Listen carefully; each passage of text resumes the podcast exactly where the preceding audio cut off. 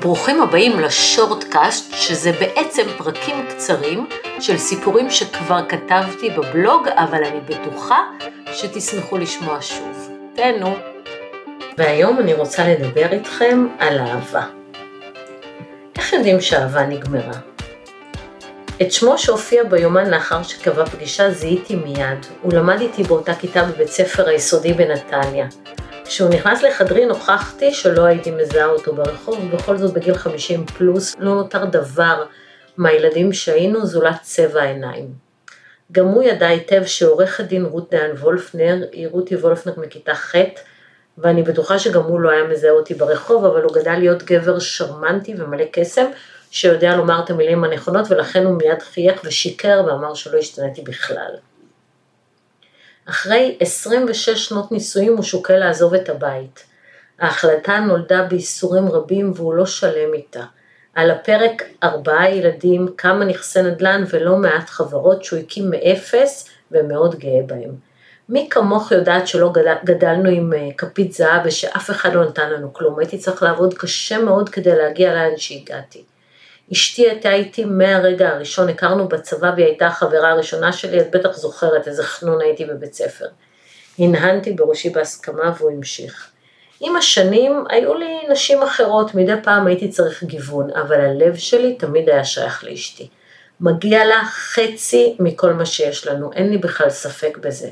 אני כאן כי אני כבר לא אוהב אותה. כלומר, אני כן אוהב אותה, אני מת עליה, אבל אני לא נמשך עליה ולא בא לי עליה. יש לך מישהי אחרת, קבעתי נחרצות, והוא בהה בי נידם והכחיש.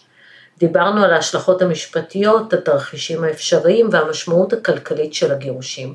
כאיש עסקים הוא נכנס לכל הפרטים ושאל המון שאלות כדי להבין את התהליך לעומק. הוא תכנן לשכור דירה, לדבר עם הילדים ולעזוב. לה הוא כבר הודיע מזמן שנמאס לו מהתלונות שלה ושבסוף הוא יעזוב. מאז שהיא חשה שהוא כבר במקום אחר, היא ניסתה לרצות אותו, המאמצים שלה נראו לו פתטיים ולא הזיזו לו כלום בלב. אחרי שהוא הבין לעומק את המצב המשפטי, הוא הזדקף בכיסאו, לקח שלוק ארוך מאקספרסו ושאל, איך יודעים שכבר לא אוהבים? שתקתי וחשבתי. נראה לי שההפך מאהבה זו אדישות, עניתי לבסוף. אם לא אכפת לך שהיא תהיה עם מישהו אחר, זה כנראה נגמר. הוא עזב את הבית ימים ספורים אחרי שיחתנו, חודשיים חלפו מאז ולא שמעתי ממנו. השבוע הוא התקשר אליי וסיפר שהוא חזר הביתה. אשתו החכמה שחררה אותו באהבה, אמרה לו שהיא מבינה שהיא לא תוכל להחזיק אותו בכוח, ושהיא בוחרת לשחרר אותו ואת עצמה באהבה. היא ביקשה שהם ייתנו אחד לשני space כדי לראות איך זה מרגיש לבד ולא יהיו בקשר. הנתק הזה היה לו קשה מדי, היא תמיד הייתה שם בשבילו כמו אוויר לנשימה, שרק כשהוא אוזל אנחנו חשים בחסרונו. הוא ראה אותה בפייסבוק ובאינסטגרם, נהנית עם חברות אצלם בגינה, מצלמת ארוחות משפחתיות מושקעות ואת ילדיו. הוא הביט בכיליון עיניים בתמונות, הריח בעיני רוחו את הריחות, ופתאום היא נראתה לו נחשקת. כשהוא חשב שיש עוד גברים שרואים אותה כמו שהוא רואה, הוא חש מדקרות קנאה בליבו והבין. נזכרתי במה שאמרת על כך שאדישות היא ההפך מאהבה, והבנתי כמה אני אוהב אותה, אמר, ותיאר איך התחיל לשלוח עליה פרחים, ולחזר אחריה, וכמה הוא מאושר שהיא הסכימה שיחזור הביתה. הסיפור השני שלנו השבוע הוא על אלכסנדר רון. אלכסנדר רון, אה, שכבר סיפרתי עליו, הוא אבא של דן, הוא חכם וצלול כבדולח גם בעשור התשיעי לחייו. ביום שישי בצהריים כשהפציעה השמש, אספנו אותו ואת רחל אשתו היפה ונסענו ליקב בכפר ויטקין. הזמנו סלסלת קש מלאה מעדנים, מפה משובצת, ארבע כוסות יין וישבנו סביב שולחן פיקניק מעץ, כשברקע כרמים ירוקים ובאוויר תחושת עדנה. נאחזנו בתחושה הזאת של חופש, שתינו יין ישראלי צעיר וקליל וכרסמנו גבינות ודיברנו על החיים. הם סיפרו על דן כשהיה ילד בשנות ה-70 בתאילנד והסתובב לבד בשוק סוף השבוע הענק של בנקוק והביא הביתה תוכים ועכברים ונחשים, וארגן לעצמו גן חיות קטן במרפסת, והם אפשרו לו את זה, כי הם חשבו שהוא יהיה וטרינר, עד שהוא הביא קוף קטן בכלוב, ואימא שלו סירבה לשכן קוף בדירה, והוא נאלץ להחזיר אותו. אני חשבתי עליי באותן שנות ה-70 בדיוק, מקסימום הולכת עם אבי לשוק של נתניה לקנות ירקות. החיות היחידות שהורשו להיכנס אלינו הביתה היו זוג דגי זהב באקווריום זכוכית גדול, שמתו כל פעם מחדש כי שפכנו להם יותר מדי אוכל.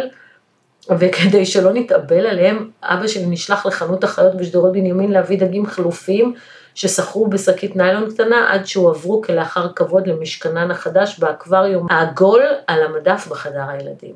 כמה רחוקה הייתה הילדה נתניאתית שהייתה נתונה תמיד תחת השגחה מהילד החופשי שהסתובב לבד ברחובות בנקוק הסוענים ואיך עברנו חיים שלמים ורק 30 שנה אחר כך הגורל הפגיש בינינו ומאז זו אהבה. בהשפעת הסיפור הקודם וגם בהשפעת הסיפור אה, שתכף אני אספר לכם, שאלתי את אלכסנדר רון מהי אהבה. קודם כל מסירות הוא ענה, אבל גם לתת לאשתך כבוד מלא וחופש מלא. אי אפשר לאהוב באמת בלי לתת חופש. כשאתה רואה באישה שלך רכוש, כשאתה מגביל אותה ולא נותן לה חופש ומרחב, זה קניין, זו לא אהבה. אם את אוהב את אשתך, אתה חייב לפרגן לה ולאפשר לה להתפתח ולצמוח. גבר שמגביל את אשתו, שמקטין אותה, שלא נותן לה להיות מישהי, הוא גבר חלש, עלוב וחסר ביטחון, אמר ממרומי גילו בביטחון. איזה מקסים. והסיפור השלישי שאני רוצה לספר לכם השבוע הוא על אהבת נשים. אורית התגרשה גירושים מהירים. תוך שלושה חודשים הם חילקו ביניהם את רכושם ואת זמנם של שני ילדיהם, וכשהיא יצאה לחופשי, היא גילתה באיחור את מה שהנשמה שלה הבינה כבר מזמן, שהיא בצד הלא נכון של הארון.